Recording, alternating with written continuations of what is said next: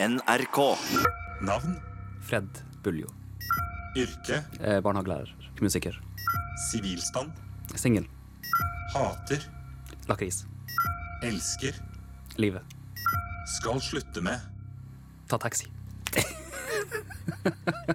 Veldig bra. Vi er i gang, og du trenger ikke noe taxi her. For da, det hadde blitt dyrt. Hjertelig velkommen, Fred Buljo. Og nå er jeg ikke sikker om jeg sier det riktig nå, men Bores Boatin. Bores Boatin. Det betyr Det betyr velkommen hit. ja, Og da sier jeg til deg kikto. som er Takk. takk for det. Mm. Du er altså 30 år. Mm. Samisk musiker, rapper, joiker eh, og eh, produsent fra Kautokeino i Finnmark. Medlem i eh, gruppa, rappgruppa eh, Dualvo Duatter. Du har duetter. Jeg liker den italienske aksenten du fikk der. Ja, for det er jo ikke lett! Si det en gang til. Du har duetter. Ja, det er altså en uh, rappgruppe som du, vi skal snakke mer om etterpå. Men nå skal selvfølgelig hovedfokuset være da på det som skal skje eh, allerede torsdag og lørdag i Tel Aviv. For sammen med Alexandra Rotan og Tom Hugo Hermansen så er dere, utgjør gruppa Keiino, som altså representerer Norge i Tel Aviv med eh, låta 'Spirit in the Sky'. Dette er svært. Det er svært. Vi har fått kjenne litt på det allerede. Vi har vært på de pre-partisene rundt om i Europa. Og fått møte både fans og journalister som skal være nede i Tel Aviv. Så det er veldig deilig også. Er det en ukjent verden for deg? Komme fra Kautokeino, så rett inn i dette, hva skal vi si Sirkuset. Ja, Ja. ja, du, jeg visste jo ikke hva jeg skulle forvente. Jeg har jo fått høre litt av Tom hvordan Grand Prix Norge var. Men det her er jo 20 ganger større enn det er i Norge. Og det er så, altså, det er så stort i Europa. Jeg tror ikke vi i Norge fatter det, egentlig. Og du er altså en sentral, sentral del av ja, årets 41 deltakere. Ja, si der. Hvis dere nå går videre fra delfinalen på torsdag, så er det altså klart for den store, store finalen i Tel Aviv på lørdag. Og em, du syns jo eh, Du sa før at du hadde bare joiket i barnehagen, og du syns det var veldig skummelt å joike i Oslo Spektrum da, mm. i norske finalen. Hvordan tror du det blir, helt ærlig, foran mm, hundrevis av millioner mennesker som ser på TV, og 7000-8000 som er til stede i salen? Nei, vet du hva. For det første tror jeg det blir en veldig fin opplevelse. Eh, Men trikset er jo å lukke øynene igjen idet jeg begynner å joike og bare forestille meg vidda i Kautokeino.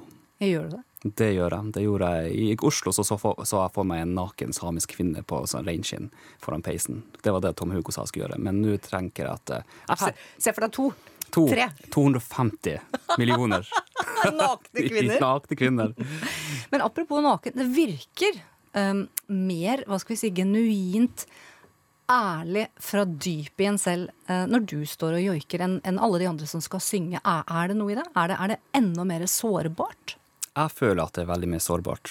Jeg føler at når jeg både rapper og synger, så gjemmer jeg meg bak en sånn fasade. Men joiking den kan du ikke på en måte simulere. Den må komme rett fra hjertet ditt. Du må regulere følelsene til å, for å kunne joike akkurat den joiken jeg gjør. Hvor mange sekunder er det vi snakker om på scenen? Det er vel opptil 20 sekunder med intimitet.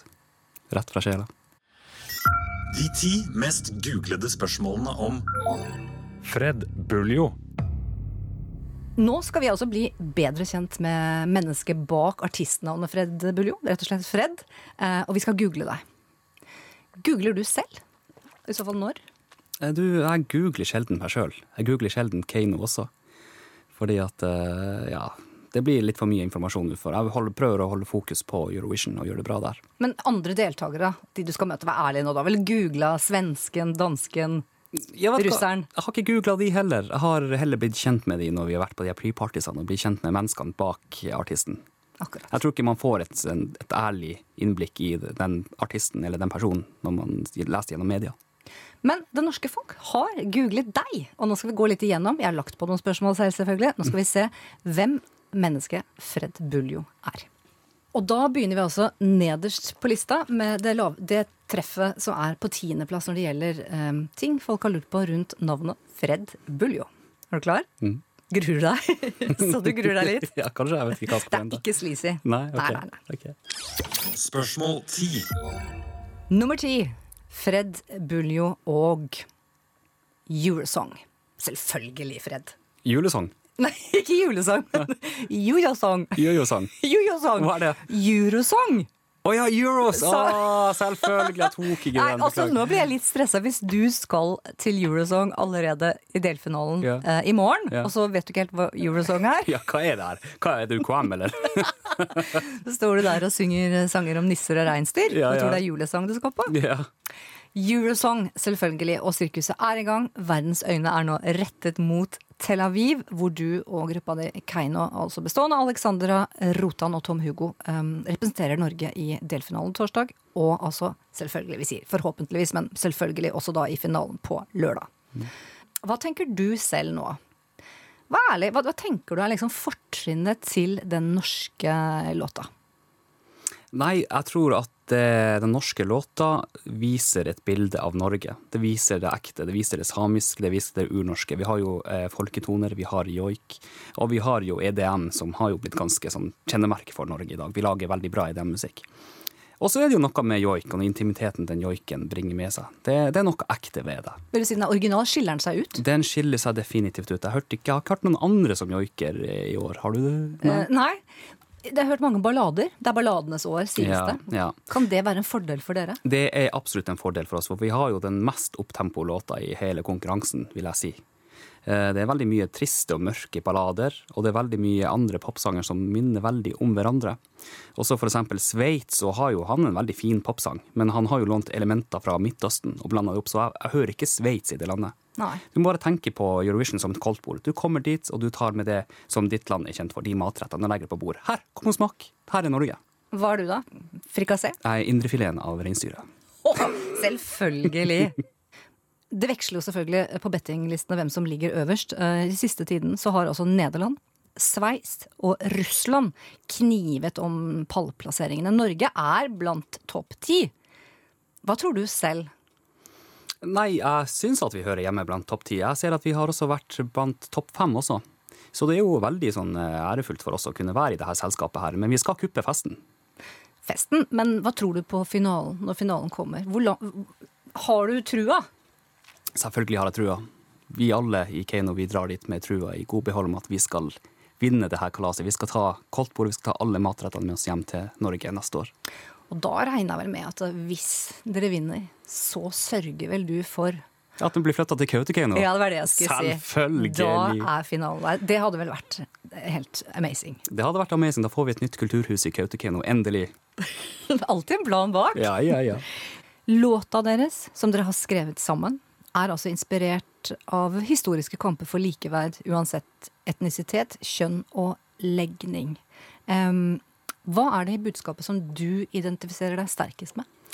Nei, det å være forskjellig. Jeg har jo vokst opp med den samiske kulturen rundt meg hele tiden, gjennom hele livet. Opp til jeg var 19 år. Da fikk jeg kjenne på at jeg var litt forskjellig fra de andre når jeg flytta fra Kautokeino til Tromsø. Og da følte jeg at jeg måtte forsvare min kultur, og uansett hvor jeg dro. Jeg var på en måte representant for kulturen min. Jeg måtte eh, forsvare hvorfor vi har eget sameting, hvorfor trenger vi et eget språk, hvorfor trenger vi egne folkedrakter, og de spørsmålene der. Så jeg kjenner meg veldig igjen i denne låta her, og jeg var så glad når Tom Hugo spurte om jeg ville være med på det her, og fortalte hva budskapet i låta var. Ja, Hva er kort fortalt budskapet, de som ikke har fått det med seg ennå? Det er inspirert av historiske kamper om å få være den du er. Og eh, Tom Hugo, han er homofil, han har måttet kjempe for sin plass i samfunnet. Jeg som same måtte gjøre det. Og også Alexandra, som er en kvinne. Det er ikke så mange år vi skal tilbake før kvinner ikke hadde noe der å gjøre. Jeg føler meg veldig hjemme i dette prosjektet her. Men så må jeg spørre deg, um, litt malurt til begeret her. Altså Valget av Israel og Tel Aviv som vertsby er, er jo kontroversielt. Og det har splittet uh, fansen, Eurovision-fansen. Eh, for samtidig som Hamas og Israel altså bomber hverandre, så skal 41 nasjoner konkurrere om hvilken låt som er best. Og Gazastripen ligger også bare 50-60 km unna Tel Aviv og um, arenaen der det skal være. Hvordan på, har dette påvirka deg i ditt valg om å dra eller ikke dra? Jeg har jo selvfølgelig hatt en etisk diskusjon med meg sjøl om det var riktig å dra dit eller ikke. Men jeg tror at vi med vårt budskap og våre verdier kan utgjøre en større forskjell ved å opptre foran 250 millioner TV-seere. Den er jo veldig kontroversiell, denne konflikten, og har pågått i mange år, og har jo ikke oversikt over alle aspektene ved den konflikten heller. Men Eurovision er jo et eh, arrangement som er, skal ikke handle om politikk. Det skal handle om vennskap, det skal handle om samhold, det skal handle om at vi som Europa skal eh, ha en fin fest sammen en dag i året. Og det syns jeg vi fortjener. Er det ditt svar eller NRK-svar? Det her er mitt svar. 75 andre norske artister de har, har signert en boikott av regi av Palestina-komiteen. Um, blant annet Marte Walla, jentene i bandet Ratzika. Og internasjonalt så har jo artister som Peter Gabriel og um, designer Vivian Westwood ledet an i, i, kritikken. Og konflikten påvirker fansen. Det er altså mange norske uh, MGP-entusiaster som ikke drar uh, til uh, Tel Aviv. Mm. Nettopp pga. konflikten. hva tenker du? Det jeg tenker om at jeg respekterer hva de mener. Og det skal de få lov til å mene. Det er ikke alle som må like det. Nå var det dårlig stemning her, nå skal vi opp, for det er én som kommer! Madonna kommer! Madonna kommer dit. Hva tenkte du når du hørte det, at hun skal opptre som en slags pausenummer, da? Nei, du, det blir jo aldri sett Madonna live, så det blir jo spennende om jeg, får, om jeg har nerver til å følge med på det som skjer rundt meg. Hun skal opptre med to låter. Den ene sies, eh, ryktene går om at den skal være politisk, og derav strides de lærde om dette er riktig, og at hun mottar 8,5 mill. i honorar. Det er vel mer, mer, enn du får? Det var litt mer enn de diettpengene jeg får fra NRK, ja. Men du kan altså for evig og alltid skryte av til fremtidige barnebarn at han bestefar, han var i Tel Aviv og varma opp for Madonna. Ja, ja, ja. Ja, og forhåpentligvis tok jeg en kopp kaffe med henne også. Hvem vet? Det blir, hadde vært spennende. Jeg tror hun har mye å fortelle, om hun har tid til å fortelle. Spørsmål 9. Fred Buljo, same. Når samene feirer samefolkets dag 6. februar, så vaier flagget litt ekstra i vinden. Eh, for deg, for du har jo bursdag du 6. februar. Ja, du har gjort din research, ja. Det liker jeg. Jo, det stemmer. Jeg har bursdag på samefolkets dag. Gratulerer med dagen heter, eller er? Likko Beivin.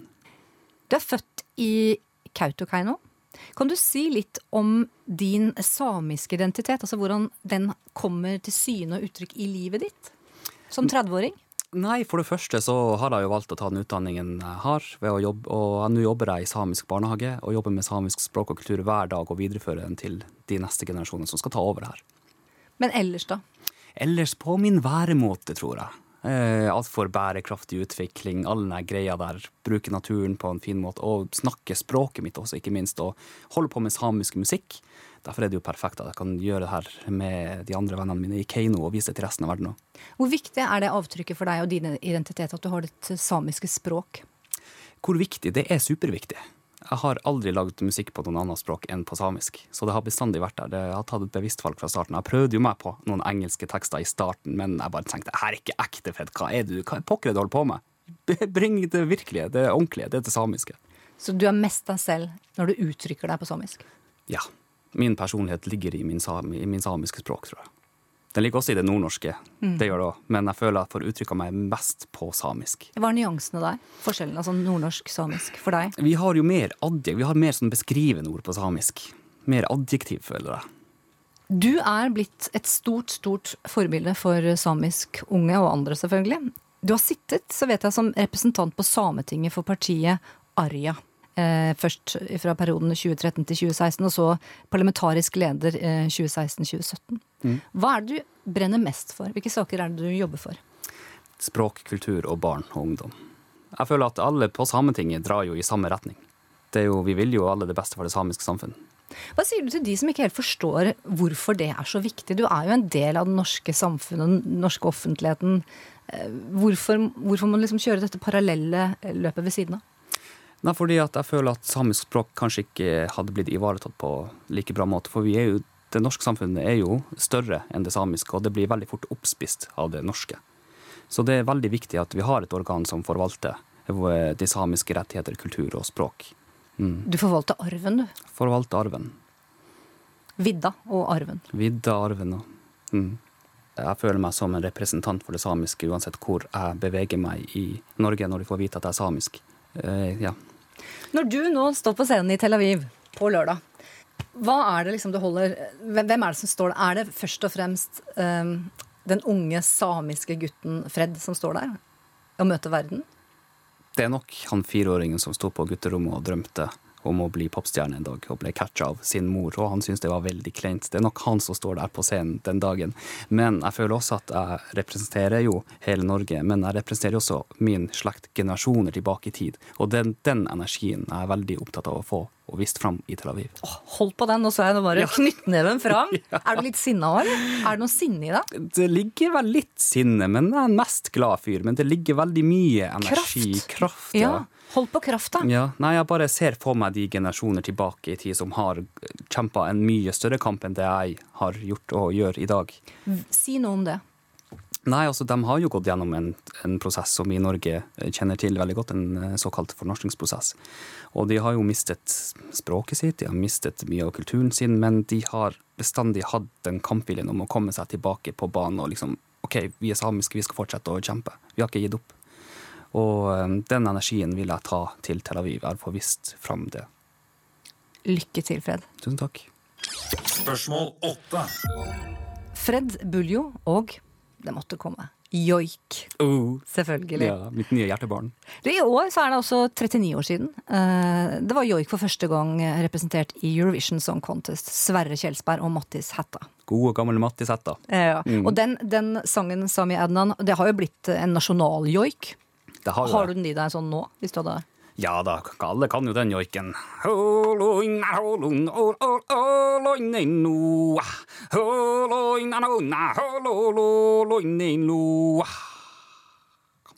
Jeg må spørre da. betyr det noe? Nei, altså, joik handler om tolkning.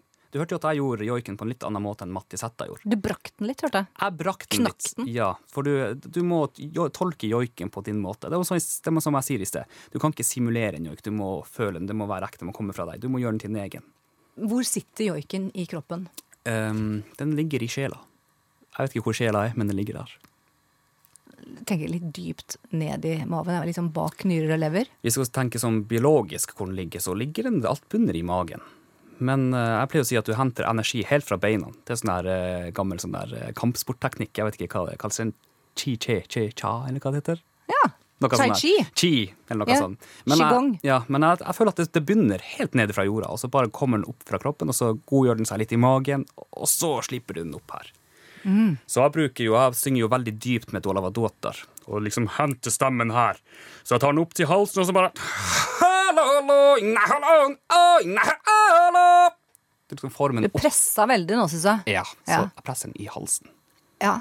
Men da tenker jeg jeg kan jo ikke her sitte og bedømme. Det er jo sånn fascinerende. Jeg vet jo ikke om dette her Kanskje noen eh, i Kautokeino tenker det var dårlig.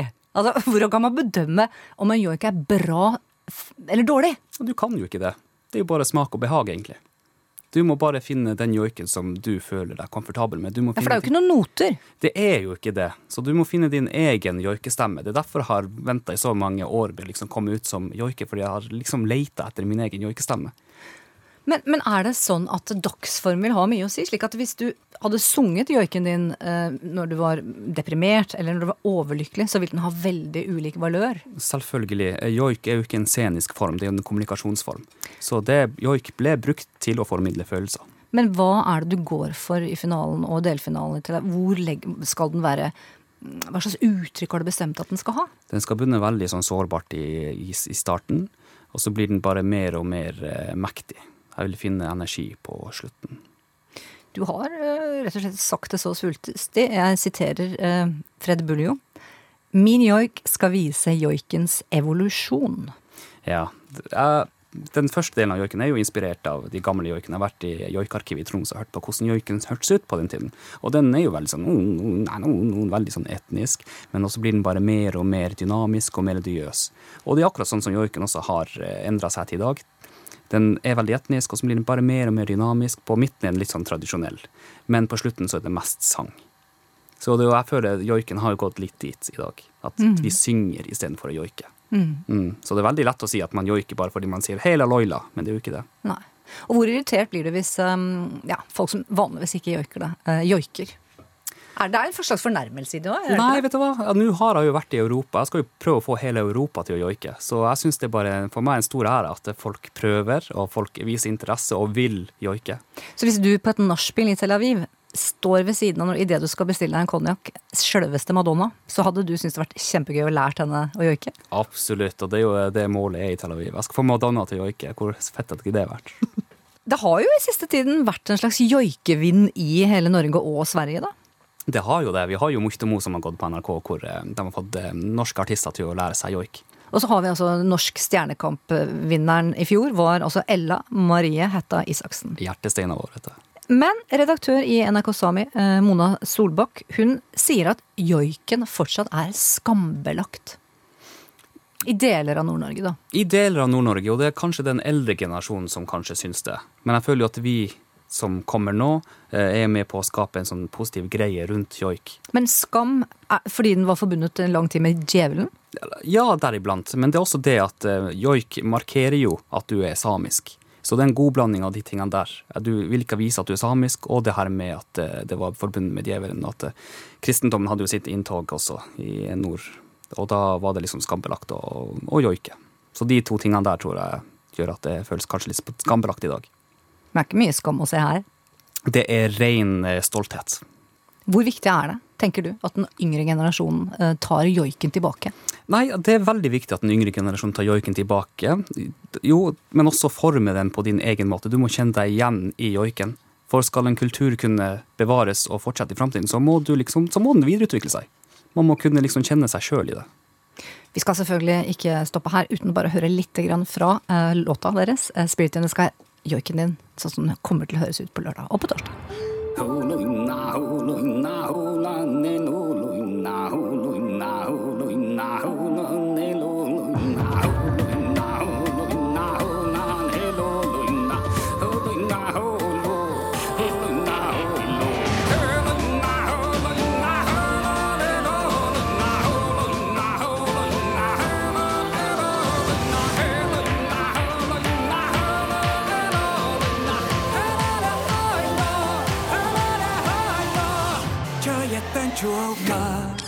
Spørsmål sju. Fred Buljo og norske talenter. ja. Eh, vi skal tilbake til 2008. Du er altså deltaker og blir etter hvert finalist i Norske Talenter sammen med rappgruppa di, som du kan si navnet på, for jeg sier det på italiensk. Duolavaduotter med ordentlig Kautokeino-dialekt. Duolavaduotter. Du legger den ned? Dua, ja, du må ha ekstra bass i duolavaduotter. Wow! Dere får altså deres nasjonale gjennombrudd.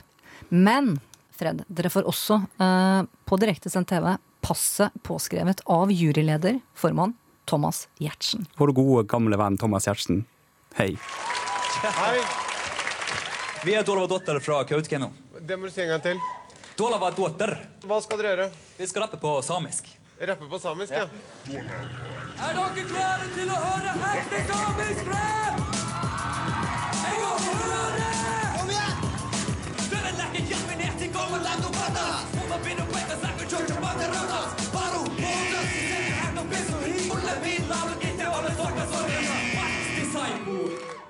Jeg kan oppfatte at dere har en klar og tydelig tilstedeværelse på scenen. Dere har attitude. Men akkurat hva dere snakker om, og hvor bra teksten deres er, og hvordan det er fremført, det mister jeg helt uh... Ja, jeg vet det. Jeg forventer at jeg skal kunne samisk. Ganske hardt og brutalt må det ha, ha opplevdes for dere. Dere var ganske unge. Altså, hvordan, hvordan kjente du på den? Du, jeg tror ikke vi forsto så mye av det han sa når vi sto der på scenen som 20-åringer. Men i etterkant så tenkte vi at ok, var det her riktig? At Thomas mente det virkelig på den måten? At man ikke kan lage musikk på sitt eget språk. Så da tenkte jeg ok, kanskje han er litt ute å kjøre her. Vestkantgutt, tenkte du? Vestkantgutt, ja. ja. Nei, det var nok litt sånn, ja. Nei, det, altså, han ble jo sterkt kritisert av diverse medier og folk nordfra og samisk og også andre minoriteter for at han kunne si noe sånt. Men uh, jeg tror ikke han mente det på den måten. Han mente vel sånn at han ikke klarte å bedømme teksten vi sang på. Det var det han egentlig mente. Jeg tror kanskje han ble litt misforstått. Men det ble jo brukt til vår fordel. Vi fikk jo veldig mye oppmerksomhet rundt oss som band, og det var jo til vår, vår fordel også. Ja, det lærte litt til mekanismen i media. Det er alltid bra å være litt sånn underdog og ha litt konflikt. Ja, det, man skal skape litt engasjement. Det, det er bare en fordel, det, altså.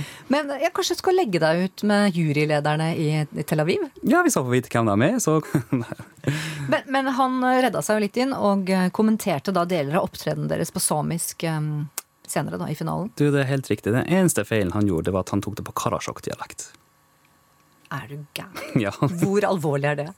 det er ganske Nei da, vi er jo fra Kautokeino og Masi, så det er jo bare én time til Karasjok. Men, det var, men vi hadde fått en pluss i boka hvis han hadde tatt på ekte Kautokeino-dialekt. Ok. Men han er jo vestkantgutt, så jeg skjønner jo at han vil ta en mer finere dialekten. Så den blir, den blir mer italiensk når han prater.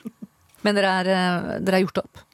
Vi har gjort opp, jeg har fått masse gode klemmer med det lange skjegget på den tiden der. Men allikevel så var det mange som mente med den utstrålingen dere hadde, den ungdommelige kraften, at dere kom, dere så, og dere vant. Ja. Dere ga jo ikke opp. Nei, vi ga ikke opp. Vi fortsatte å spille. Vi har spilt rundt i ti år. Rundt i Russland, Norge og hele Skandinavia. Vært på Færøyene. Så vi har holdt på med samisk musikk etter det. Så det ble rett og slett et lite spark i baken. Det ble det. Spørsmål 6. Fred Buljo, rapper. Uh, yeah. For det, det ble jo et eventyr ut av dette her. Det ble jo, jeg ble jo en rapper. Ja. Du er altså rapper i gruppa Duhalova Dattwa. Du må lære meg det. Duolva Duatter. Dualava Duatter. Dualova Dualova Datter. Du er altså rapper, og gruppa deres fortsatte jo etter Norske Talenter. Takk Gud for det. Det er bestående av deg, så er det foruten deg, så er det Ole Marte Gaup heter han. Oss to som duo. Ja. Vi var tre på den tiden der, men uh, naturlige omstendigheter gjorde at uh, vi ble en duo. Og jeg mener at hele landet fortjener å høre litt av denne låta, for den har også så enormt kul intensitet. Jeg har sittet og hørt på den mye, og jeg bare får veldig mye energi av den. Vi skal høre litt fra låta Finnmark.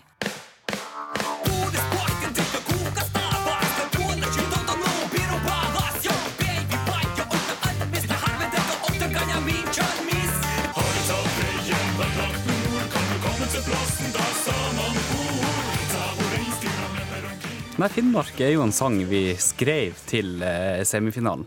For der sier vi Har du tatt veien langt, langt nord, kan du komme til plassen der samene bor. Der hvor reinsdyrene løper omkring, du rister på hodet og skjønner ingenting. Kota vi er på, tåler all slags vær, du ser naboen våkne huset sitt med maskingevær. Der folk betaler med sprit og tobakk, du kan ikke ta feil, du er kommet til Finnmark.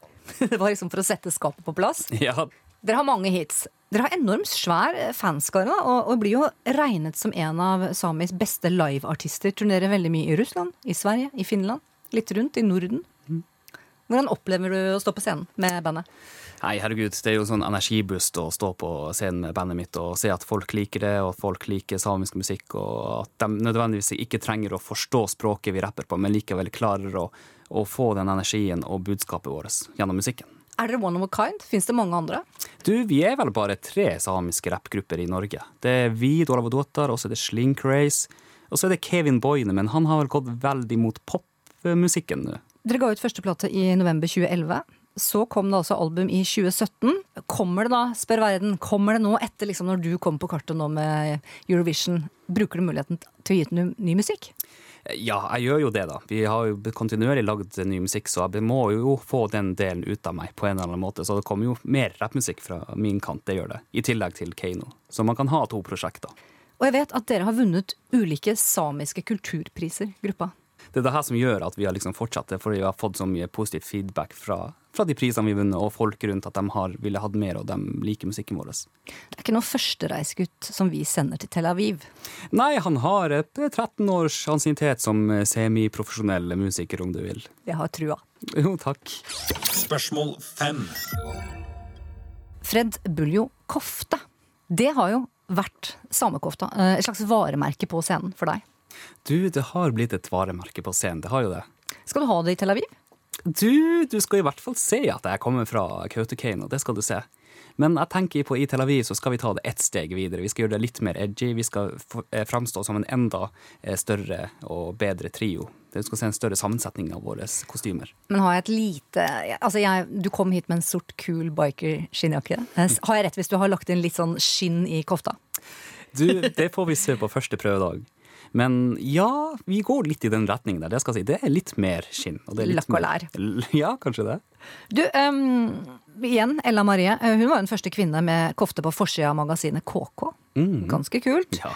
Um, og den er um, men, men har jeg forstått det rett at det er litt sånn som med bunaden på 17. mai? At det er et koftepoliti der? Er du klar over at de vil følge veldig med på Selvfølgelig er det et koftepoliti. Ja, ja, det er et koftepoliti der, og det skal de få lov til. Men det er jo ikke en kofte. Jo ikke, skal jo ikke si at det er en kofte. Det trenger ikke være en kofte. Det skal bare være inspirert av kofta. Men det er strenge regler for det. Det er strenge regler, men jeg tenker jo også som Ella også har sagt, at eh, man har jo en tradisjonell kofte som skal være en tradisjonell kofte, og da har du ganske strikte regler å forholde deg til. Men så har du også en sånn type partykofte, som vi kaller det, hvor du kan eksperimentere litt mer. Så det er partykofta som er med i, i kofferten til Tel Aviv. Ja, og jeg tror det er viktig å gjøre sånn, for da, kan liksom, da blir det hipt og kult å liksom kunne eksperimentere. Så du kan finne deg sjøl også i kofta. Kofta skal jo gjenspeile hvem du er. Jo, den, også, den tradisjonelle kofta skal vise hvor du kommer ifra, og du har forskjellige mønstre som hører dit og dit. Men denne partykofta den skal kanskje gjenspeile litt mer av din personlighet. Men, men du har fått kjeft. I Norske Talenter så stilte du også opp i dongeribukse, skatesko og kofte. Ja. Det gjør du ikke igjen, eller? Jeg vet, hva, jeg vet ikke hva jeg tenkte på på den tiden der, men det, jeg tenkte at det var hiphop, og det var liksom klær jeg gikk med til vanlig, så jeg følte det var veldig naturlig å gjøre det. Men jeg hadde ikke gjort det i dag. Du ser at du gjorde litt skam på kofta da. Skal innrømme det. Nei, jeg var 20 år, og det var det jeg gjorde da, så jeg føler ikke noe skam. Jeg er stolt over det jeg gjorde på den tiden der, at jeg torde å gjøre det. Men du, noe enda verre som du har gjort. Jeg vet at du en gang altså på flyplassen mista kofta og koftesølvet. Det forsvant i kofferten på bagasjebrettet. SAS mista min bagasje, og den har jeg fortsatt ikke funnet. Det var verdier for over 60 000 i den kofferten der, og det er en innenriksflygning fra Alta til Oslo, så jeg vet da svarte hvordan de har fått det til. Kan etterlyse den her da. Hvilken farge var det på den kofferten? Det var en eh, svart Samsonite-koffert, og det var en grønn, djekelsk fin grønn kofte, og det var arvegods på beltet. Uff da. Det er veldig leit. Ja, så nå har jeg bare sett på internett og sett om noen fyr i Jamaica som driver og bruker kofta mi. Men da må du passe litt på, tenker jeg, hvis du er litt sånn rotehue når du nå lander i Tel Aviv. Ikke ta feil koffert. Hadde jo vært ille hvis du altså blander med Madonnas og ender opp med lærkorsett i delfinalen. Det hadde ikke gjort noe av det. Jeg liker lær. Det spørs om eh, Madonna hadde følt seg komfortabel i en eh, Kautokeino-kofte. Om det er det jeg skal bruke. Spørsmål 4. Fred Buljo og barnehage. Uh, yeah. Fordi du er jo pedagogisk leder i Samisk barnehage, som ligger midt i Tøyenparken, og, og som har et tilbud til barn med samisk bakgrunn bosatt i Oslo og omeng. Dere vet at dere også har um, en gammel uh, gamme, da, eller sånn guati, Guati. guati ja, som er viktig uteområdet, og dere er mye ute. Mm. Hvorfor er det essensielt for dere? Ja, For det første så er jo Guati en, eh, en stor del av samisk kultur. Det er jo sånn vi bodde før i tiden, før vi hadde hus. Men den har jo også en praktisk betydning. Barna vet at der inne er det varmt og godt. Når det er kaldt ute, kan de gå dit og varme seg. Så har vi også eventyrstunder og samlingsstunder, og den brukes til alt, egentlig. Men det er altså eh, formålet å ha en slags samisk oase eh, hvor barn utenfor samiske kjerneområder får en styrket identitet. Ikke sant? Mm. Språk, kultur. Hva, hva gjør dere? Nei, vi jobber jo med samisk språk hver dag. Vi prater samisk med ungene. Eh, Alle vi ansatte vi er samisk, og vi prater samisk. Men vi gjør også tradisjonelle ting, som å dra ut i skogen og benytte oss av naturressurser. Men vi kan også finne på å henge opp en lavvo midt i Tøyenparken og røyke kjøtt og, nesten slakte en rein, om det hadde vært lov. En Men- rein? ja, nesten. Men vi, vi tilbereder reinkjøtt og salter det og røyker det midt i Tøyenparken. Så hele Tøyenparken blir jo røykbelagt av eh, reinlukt og ja. Men hva sier du? For man har jo en integreringsdebatt i Norge hvor man mener at eh, innvandrerbarn kanskje eh, er for dårlige til å, lære, å kunne norsk når de begynner på skolen. Hvorfor er det viktig i, ikke liksom jobbe med det norske språket, da? det er viktig å jobbe både med det norske språket og det samiske språket i Norge. Jeg, føler, jeg tenker jo at alle barn i Norge burde starte sine tidligste år i barnehagen. Både for å få sosial kompetanse og, og lære seg norsk språk før skolen. For all undervisning foregår jo på norsk. Men kultur er identitet, og det er også viktig. Ja, det er det. Spørsmål tre. Fred Buljo, YouTube. Mm. Ja, og jeg har nemlig vært på YouTube og da sett hva folk eh, finner der om deg, med deg. Eh, og det er jo masse klipp nå, veldig masse ymse, vil jeg si, fra ulike intervjuer som dere har gjort i løpet av hva skal jeg si, Eurosong-forberedelsene. Oh, ja. Har du fått mange rare spørsmål av når du har vært rundt og blitt intervjua? Nei, vet du hva, det går stort sett i de samme spørsmålene, nesten. Det er jo hva låta handler om, hvordan ble bandet starta og diverse sånne. Men det har vært ganske mange andre spørsmål også. Det, har, eh, det kommer helt an på hvem som intervjuer og hvor eh, profesjonelle de er. Men hvis man vil se deg, da, så kan man jo se hvor fjåk og flink du er, og dere ler mye, og dere snakker engelsk. Vi snakker engelsk, vi prøver i hvert fall å snakke engelsk. Og det, så det var jo litt uvant i starten at vi skulle begynne å snakke engelsk samisk med alle de som intervjua. Så for meg var det veldig vanskelig å omstille seg, for som snakker norsk og samisk, og i tillegg skal begynne å snakke engelsk. For da føler jeg at jeg får sånn samisk aksent når jeg prater. So, Nei, nei. your name? Come over here. Du ser ut som en superstjerne, og der kan man gå inn hvis man vil se. Og det er jo selvfølgelig mye musikkvideo med rappgruppa di, og med Keiino. Selvfølgelig. Men jeg må si at jeg smelta helt og fant et utrolig sånn nydelig klipp. Som er, det må du fortelle litt mer om, en samisk eh, versjon da, av You'll Never Walk Alone. Sunget av Marit, eller Marit Hætta Øverli. Du er en av flere som er med å joike. Og på eh, samisk, hvis jeg tar det rett, så betyr altså det I'll never walk alone. Det betyr It guase octodon. Mm. Eller si det, du. Nei, sagt av. Det var veldig Ja. likt det du sa. Hvorfor en samisk versjon? Nei, det er jo en stor eh, tilhenger av Liverpool i Nord-Norge. Er det det? Ja. Så det var vel etter at Michael Owen tror jeg besøkte Alta at de fant på at de skulle lage en hyllest til Liverpool, som så mange eh, liker. Og da spør jeg her. Er du Fred Buljo? Nå kan du ikke gjemme deg bak noe. Er du Liverpool-supporter? Jeg har vært eh, Man United-supporter siden jeg vant til Triple. Og du holder det du lover. Jeg holder det jeg lover. Men hvis nå ble spurt om å være med på Jeg er veldig glad i fotball, så jeg kunne jo ikke si nei til å være med på en så stor sang som den der er. Nei, det er helt fantastisk. Og videoen er jo også et eh, altså majestetisk, vil jeg si. Det er nordnorsk natur. Det er det. Det er veldig fint. Det var også formålet med at vi skulle vise eh, nordnorsk eh, landskap og kultur til resten av verden. Anbefaler alle å gå inn og se den eh, videoen. Ligger altså på YouTube. Men vi skal selvfølgelig høre litt av låta her. Nummer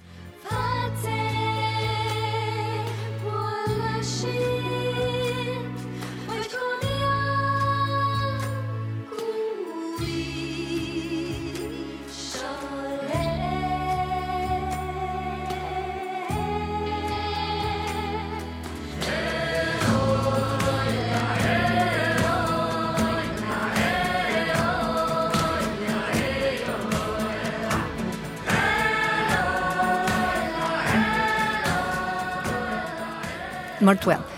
Fred Buljo nummer to. Hva tenker du det kan være? Det er bare to igjen nå her. Fred Buljo nummer to. Hmm. Ja, det vet jeg ikke helt hva det kunne ha vært. Hva er det vi ikke har snakket om? liksom? Forhåpentligvis ikke nummer to i Eurovision. Nei, det er det ikke. Nei. Skal vi se? Ja, gjerne. Spørsmål to. Fred Buljo. Kjæreste. Ja, OK. Ja. Litt kleint, men, men det er jo noe sånt som følger med stjernelivet. At folk er litt opptatt av deg, da. ja det, det er jo en veldig fin ting som følger med det å bli litt kjent. Ja. Så da spør jeg hva heter vedkommende? Du, jeg har ikke noe kjæreste. Nå har jeg vært i fast forhold siden jeg var 18 år til jeg var 31. Så nå har jeg vært eh, alene i et år, og det er jo en helt ny greie for meg. Det er storkoser meg, egentlig. Men det må jo være en vinn-vinn å dra til Tel Aviv, som er jo sånn partyby nummer én, og være singel. Jo, selvfølgelig er jeg litt singel, men jeg føler ikke at man kan bruke hvis du er litt kjent, at man kan bruke den rollen på den måten der. Det, det blir litt sånn der feil, syns jeg. Jeg er veldig opptatt av å finne mine eh, utkårede i nære relasjoner, kan du si. Må hun ha samisk bakgrunn, Må absolutt ikke ha samisk bakgrunn i det hele tatt. men bør være glad i musikk. Bør være glad i musikk. Det er absolutt en fordel å kunne høre litt musikk på en lørdagskveld med noe rødt i glasset. Men de to forholdene jeg har vært i, har, de har ikke vært samisk. Nei. Du, eh, Stemmer det at du har bodd i kollektiv hele tida fram til nå, og så har du, er du nå ute på byen for å finne ny leilighet? Eller har kjøpt? Vet du hva? Jeg hadde leilighet med min, eh, med min eks som vi solgte i høst. Og nå har jeg flytta i kollektiv. Og Ah. få, få, levd ut den delen av livet. Da skal jeg si deg en ting. Der finner du ikke noe kjæreste. Nei, det gjør man ikke. Det er ikke så romantisk å krangle om hvem som skal ta vaskesluket på badet og sånn. Det er ikke så romantisk over det. Er det gutter og jenter? Det er to jenter. Noen veldig flotte jenter. Og jeg regner med at kollektivet de heier på roomien sin. De gjør selvfølgelig det. Og nei, de har jo vært med på hele reisen siden vi var med i Norske Grand Prix, og har vært med på både opp- og nedturer som medfølger med det. De har sett en veldig sliten Fred som kom hjem på en søndagskveld fra Berlin, og sånn, så de kjenner meg ganske godt nå. Men da må jeg si helt til slutt der at eh, det fins vel nest, altså det overgår jo Tinder og alt. Det fins jo ikke noe bedre kontaktannonse enn å stå singel og synge foran 200 millioner mennesker i Tel Aviv. Nei, men det kan bli for mye av det gode, for man får jo litt mye i innboksen sin, både på mail og på Instagram. Ja, du gjør det. Man gjør jo det, men Fra, fra kvinner over hele verden. både fra kvinner og en stor andel menn, faktisk. Så det er jo litt sånn artig, det òg. Ja, Da har du litt å velge i. Ja, man har vel tid til å eksperimentere litt også med det samme. Spørsmål 1. Da er det pallplass. Da er det førsteplassen, Fred Buljo. Og um, skal vi bare gå rett i det? Ja, nå er jeg veldig spent. På førsteplass, det mest søkte med Fred Buljo, er Det aller mest googlede spørsmålet er Keiino. Keiino. We're on? Okay. Hi, I'm Alexandra, Hey, I'm Fred. And I'm Tom. and together we are Kano, representing Norway uh, in the Eurovision with Spirit in the Sky, a song about. Being accepted for being different.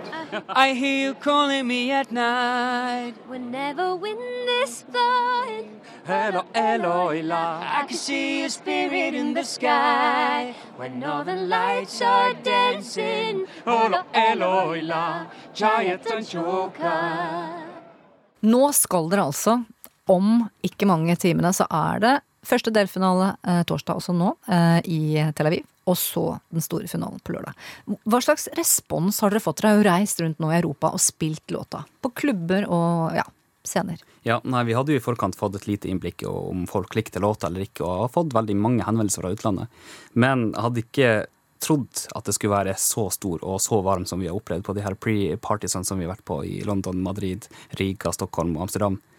Det er så fantastisk å komme inn i en konsertsal hvor du ser sameflagget sveive i, blant publikum, og at folk joiker med, og at folk synger versene og bare gir deg så masse energi og kjærlighet. Altså, det kan ikke beskrives. Jeg er så utrolig glad for at jeg kan oppleve det her. Og folk danser. Og få Folk danser. og at folk danser til eh, sangen vår. Altså, det er en helt ubeskrivelig følelse. Det, det, det gjør oss bare så motivert til å skrive nye sanger. Nå har vi vært i Berlin i helga og skrevet tre nye sanger. Midt oppi alt det her. Så er dette eventyret ikke slutt ennå. Det her var begynnelsen. Du, det her eventyret her er definitivt ikke slutt. Altså, Kjemien i gruppa vår mellom meg, Tom Hugo og Alexander, den er sånn ekstraordinær. Altså, det er som en sånn kollokviegruppe som bestandig har villet samarbeide, som nå endelig få skrive den særoppgaven sammen. Og det, ja, nei, det er bare helt fantastisk. Og den skal stå til seks. Den skal stå til seks på det her og der. Hvor viktig hadde det vært for deg at du faktisk ser sameflagget? Du nevnte at du så det rundt i Europa nå. Eh, At du ser sameflagget i salen når du skal synge. Nei, bare at det, at det er synlig, og at folk anerkjenner at den samiske kulturen at den, at den finnes, at den, vi fortsatt er her.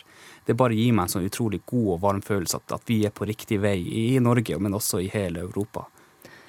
Men hvis du ser det selv, da, når du står på scenen og ser deg, gir det deg noe boost? Det gir meg så utrolig Det er nesten sånn at jeg begynner å gråte når jeg er på scenen. Og det, det passer veldig bra i den første delen av joikedelen. Men kanskje ikke, ikke mot slutten. Ikke på slutten, nei, men da bare Å, jeg er så glad for å se det flagget der. Kom an! Hallo! Du, Dere har ikke noe plateselskap i ryggen. Blir dyrt da å reise sånn rundt som dere gjør nå? Det er ganske dyrt å reise rundt som vi gjør nå. Eh, NRK de betaler jo for sceneproduksjon og gir oss litt penger og sånn, men eh, alt av sånn promotering og sånn, det må vi betale av egen lomme. Nå har vi vært så heldige at vi har fått eh, litt sponsa litt fra Music Norway og fra forskjellige ambassader i de landene vi har vært i. Men for å kunne gjøre det her, så har vi måttet tatt oss fri fra jobb. Alexandra måtte slutte på skolen, så vi betaler alt av egen lomme. Dere ofrer ganske mye. Vi ofrer både tid og penger til å kunne gjøre det her vi elsker. Og i løpet av uka så vet vi om det er verdt det.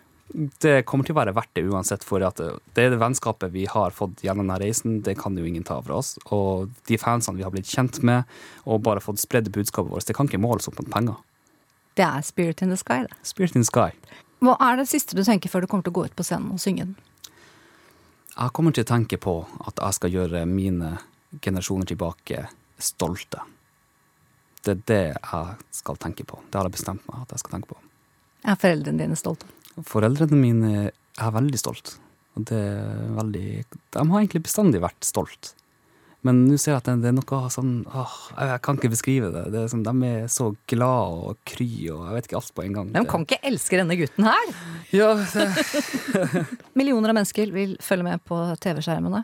Vanligvis så har det reist en 100-150 norske fans nedover, men det er dyrt å komme i, til finalen i år.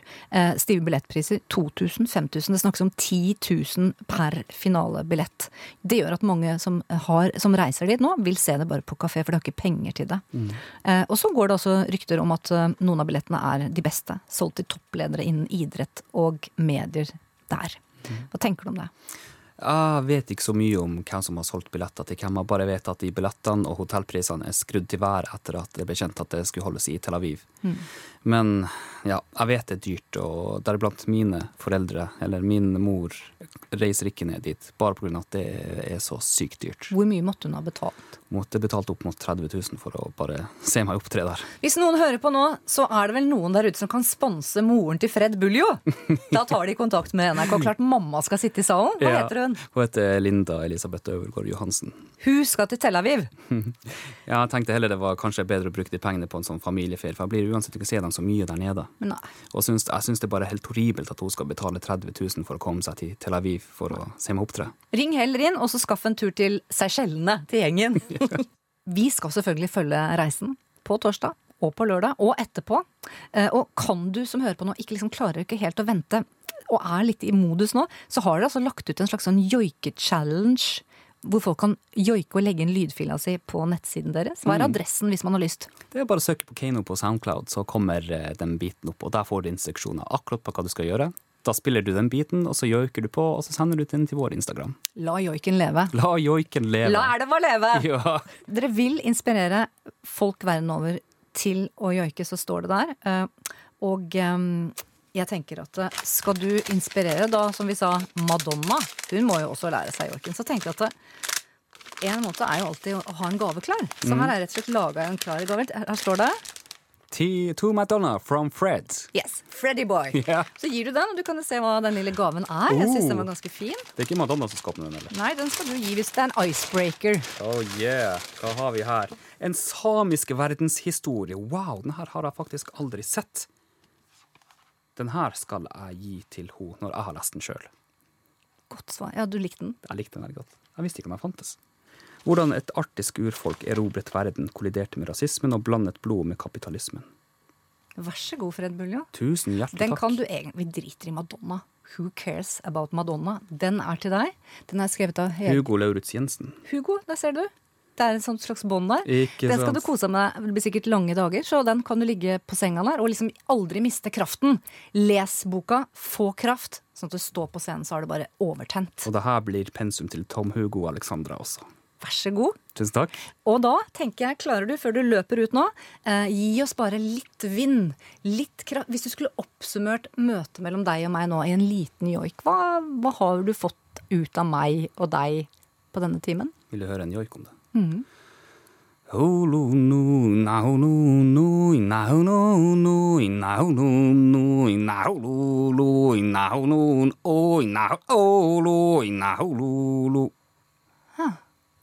Hva, sa- hva sang du egentlig? Nei, hva tror du? Du sang 'Nå kommer taxien'. Det blir litt dårlig luft her i studio nå. Nei, hva sa du? Jeg har lyst til å høre. Nei, Jeg sa ingenting. Det var bare en følelse. Men den var god. Den var god. Ja, for den følte jeg. Det var utrolig hyggelig å møte deg. Jeg ønsker deg masse lykke til. Tusen takk, Synnøve. Can't you stay? Stay with me into the night. Stay, I need you close. You can go back when the sun rises again. Just stay tonight, just stay. Have you seen my spirit lost in the night? The violent nightshade, they took away my light. They call us nothing. My name is nothing. Come see me, please see me. Cause I've been